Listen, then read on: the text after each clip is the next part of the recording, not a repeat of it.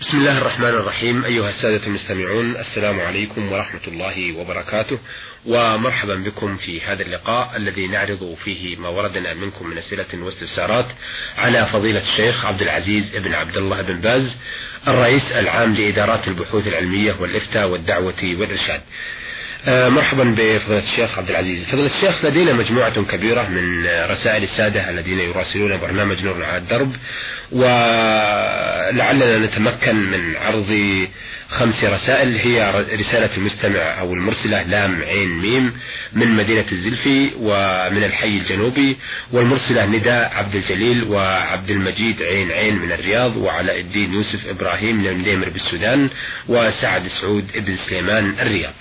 آه هذه أولا رسالة المستمعة أو المرسلة لام عين ميم من مدينة الزلفي الحي الجنوبي ورسالتها حول العوار.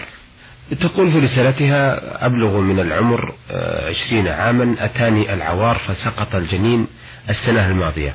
وهذه السنة هل علي كفارة أم لا أفيدونا؟ ولكم جزيل الشكر. بسم الله الرحمن الرحيم. الحمد لله وصلى الله وسلم على رسول الله وعلى آله وأصحابه ومن اهتدى بهداه. أما بعد السائل لم لم توضح المراد بالكفارة وعن أسباب الكفارة ما هل هل أنت أيها السائلة لم تصومي في رمضان الماضي وتسألين عن الكفارة في ترك الصيام من أجل أنك أخرت القضاء إلى بعد رمضان الثاني أم أردت شيئا آخر وهو أنك لما سقط العوار صمت ولم تتركي الصوم لأن الدم ليس دم نفاس؟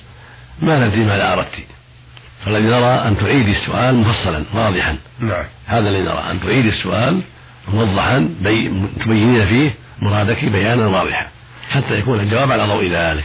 يعني هل هي السبب في إسقاط الجنين أم تبين مرادها. نعم. عليها أن تبين مرادها. نعم. هذا السؤال نعم. آه، سؤالها الثاني تقول آه، هل يجوز استعمال شيء من أموال الزكاة في شراء ذهب وغيره أم لا؟ إذا كانت المرأة فقيرة ورضيت من الزكاة شيئا من المال وحبت تشتري منها سلعة تلبسها من الذهب والفضة فلا حرج في ذلك. لأن هذا من الأمور العادية مثل ما تلبس الملابس الجميلة في المناسبات وإن كانت من أهل الزكاة. فلا حرج عليها تشتري من مال الزكاة الذي دفع إليها حاجتها من الملابس آه، الذهبية وغيرها. نعم. آه، من آه، هذه رسالة وردتنا من ندى عبد الجليل أمي أو أمي. تقول في الرسالة والدتي تصلي العشاء مع الوتر ثم تنام وتصلي صلاة قبل صلاة الفجر. وكثير من الناس يقولون لها لا يجوز أن تصلي الوتر ما دام لك صلاة قبل صلاة الفجر. أفيدونا وفقكم الله. الأفضل أنها تؤخر الوتر إلى آخر الليل ما دامت تقوم آخر الليل فالأفضل أن أن وترها يكون آخر الليل. بعد ما. بعد ما تصلي الصلاة التي يكتب الله يكتب الله لها. لقول النبي صلى الله عليه وسلم اجعلوا آخر صلاتكم بالليل وترا هذا هو الأفضل أن الصلاة تكون في آخر الليل وتختم بالوتر إذا تيسر ذلك.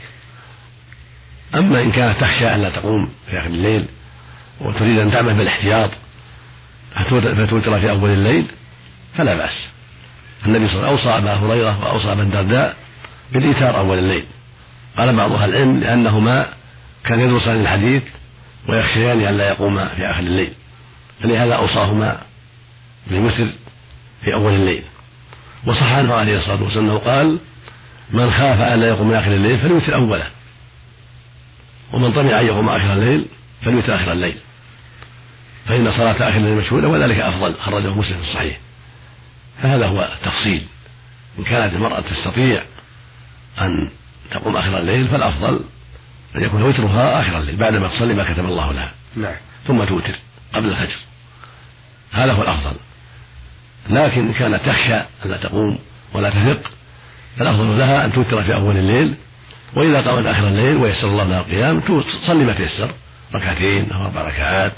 أو ست ركعات من الوتر. الوتر الأول يكفي ولا تعد وتر لأن النبي عليه السلام قال لا وتران في ليلة. فإذا الإنسان أوتر في أول الليل ثم يسر الله له القيام في آخر الليل فإنه لا يعد الوتر بل يكفيه الوتر الأول ويصلي من آخر الليل ما تيسر. ركعتين أو أو أربع ركعات أو أكثر من ذلك بدون وتر. نعم.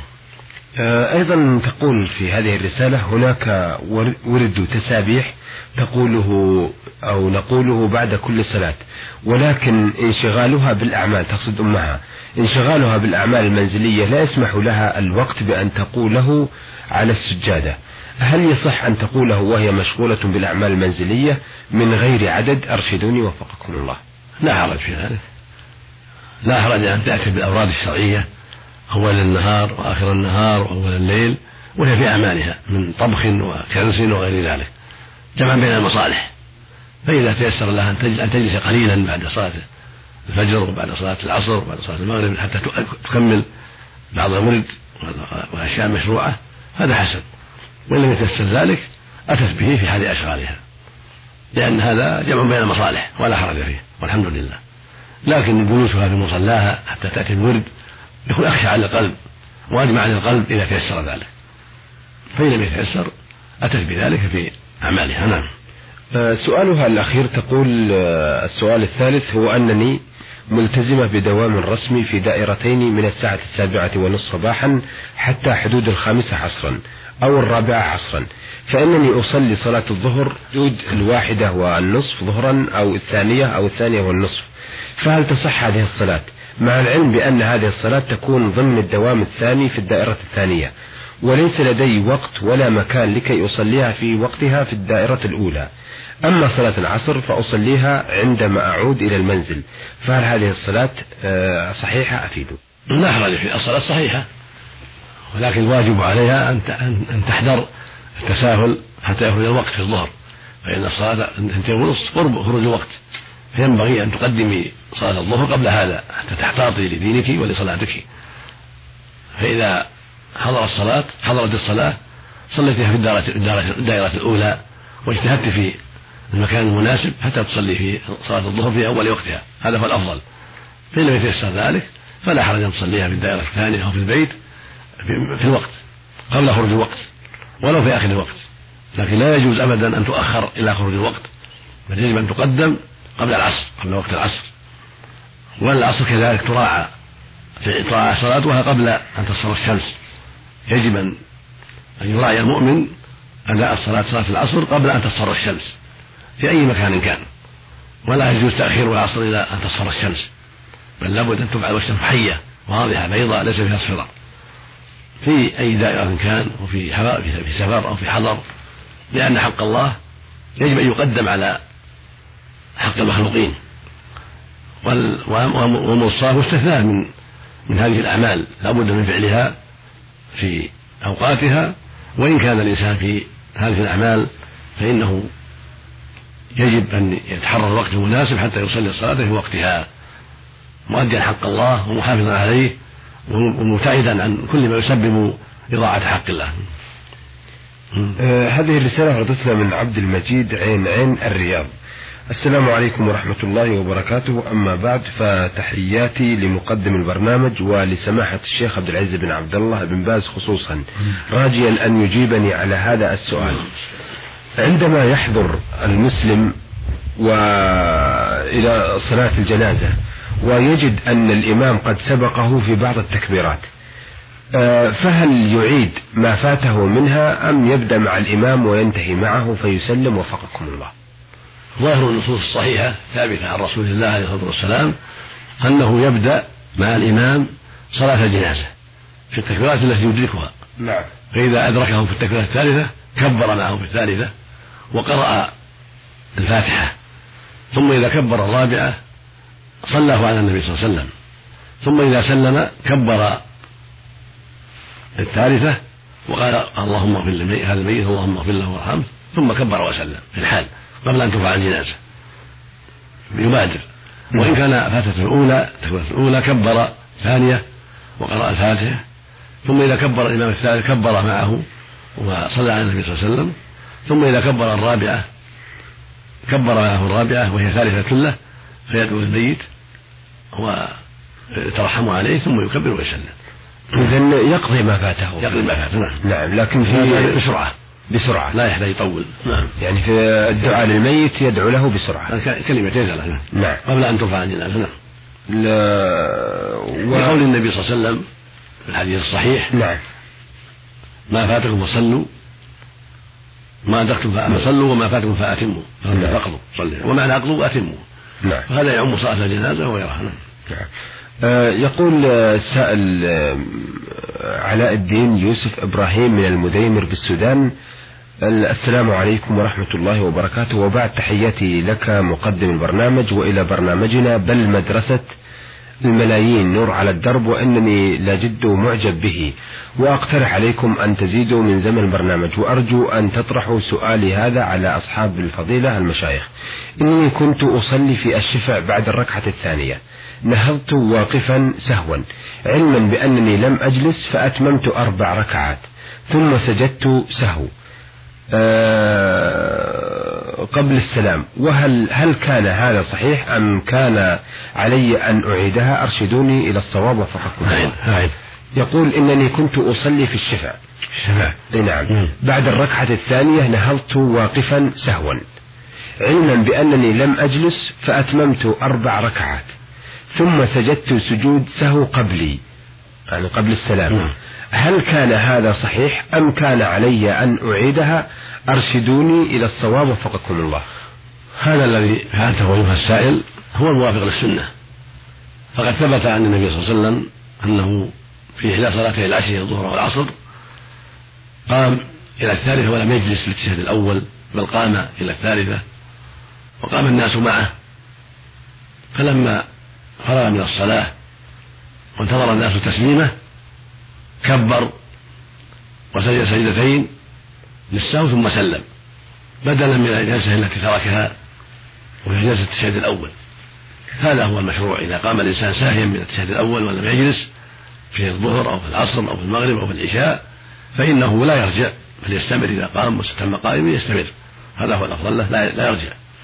يستمر في صلاته فإذا فرغ من صلاته وحصل وقت التسليم كبر وسجد سجدتين مثل سجوده في الصلاة سواء بسواء ثم يسلم بعد ذلك. ويقول في السجود السهو مثل ما يقول في سجود الصلاة سبحان ربي أعلى سبحان ربي أعلى سبحانك اللهم ربنا وبحمدك اللهم اغفر لي ويدعو بما أحب من الدعوات الطيبة ثم يسلم. لا. والمقصود أن سجود الصلاة سجود السهو سجود التلاوة سجود الشكر يقال فيها مثل ما يقال في سجود الصلاة. من التسبيح والدعاء. هذا هو المشروع. نعم. آه، من سعود من سعد سعود بن سليمان بالرياض وردتنا هذه الرسالة حول السنة التي تأتي بعد صلاة العشاء. يقول إذا صليت آه، الراتبة ثم صليت الشفع وقمت ولم أجلس للتشهد وأتيت بالوتر بعدها فهل ذلك جائز أم لا؟ أعد يقول إذا صليت بعد صلاة العشاء الراتبة. ثم قمت فصليت الشفع ثم أتيت بالوتر بعدها ولم أجلس للتشهد. فهل ذلك جائز أم لا؟ كأنه يريد أنه صلى الشفع والوتر جميعا. نعم نعم. يعني سرد الثلاث. نعم. إذا صلى الإنسان راتبة العشاء ثم قام صلى ثلاثا جميعا سردها سردا ولم يجلس فلا بأس. قد جاء النبي صلى الله عليه وسلم فعل هذا في بعض الأحيان. أوتر بثلاث لم يسلم إلا في اخرهن عليه الصلاة والسلام. هذا نوع من السنة ولا حرج في ذلك. لكن يكره أن يجلس في الثانية ويتشهد ثم يقوم من دون سلام. كالمغرب لا هذا يكره. نعم. بل إما أن يسلم من الثنتين هو أفضل ثم يأتي واحدة وحدها مفرده هذا هو الأفضل وهو الأكثر من فعل النبي صلى الله عليه وسلم. وإن سردها من دون جلوس في الثاني سردها سردا ثم سلم في الثالث فلا بأس بذلك قد فعله النبي صلى الله عليه وسلم. لكن الأحاديث الصحيحة كثيره فيها أنه كان يسلم من الثنتين ثم يقوم فيأتي بالركعة الوتر وحدها. هذا هو الأفضل وهذا هو الأغلب من فعل النبي عليه الصلاة والسلام. لكن آه، سماحة الشيخ لو نسي وقام في الثانية أو بعد الثانية هل يسجد للسهو أم هو ناوي الجلوس. نعم هو يريد أن يأتي بالوتر لوحده كان ناوي الجلوس في الثنتين نعم. ثم سهى وقام فالأفضل يرجع. الأفضل يرجع ويجلس ويكمل ويسجد السهو ثم يأتي الواحدة وحدها الوتر وحدها. نعم. لأن الرسول عليه الصلاة والسلام قال صلاة الليل مثنى مثنى. فإذا كان ما نوى سرد الثلاث؟ فإنه إذا قام يجلس نعم. يجلس ويتشهد ويكمل تشهده ويدعو دعاء ثم يسجد سجدتين للسهو ثم يسلم ثم يقوم فيأتي بالواحدة التي هي الوتر. نعم. أما إذا نوى الثلاث سنة سردا فلا حرج عليه. فقد ثبت عنه صلى الله عليه وسلم سرد ثلاثا جميعا وسرد خمسا جميعا.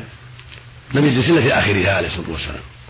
وثبت عنه أنه سرد سبعا جميعا وجلس في السادسة وتشهد ثم قام ولم يسلم ثم أتى بالسابعة وتشهد وسلم.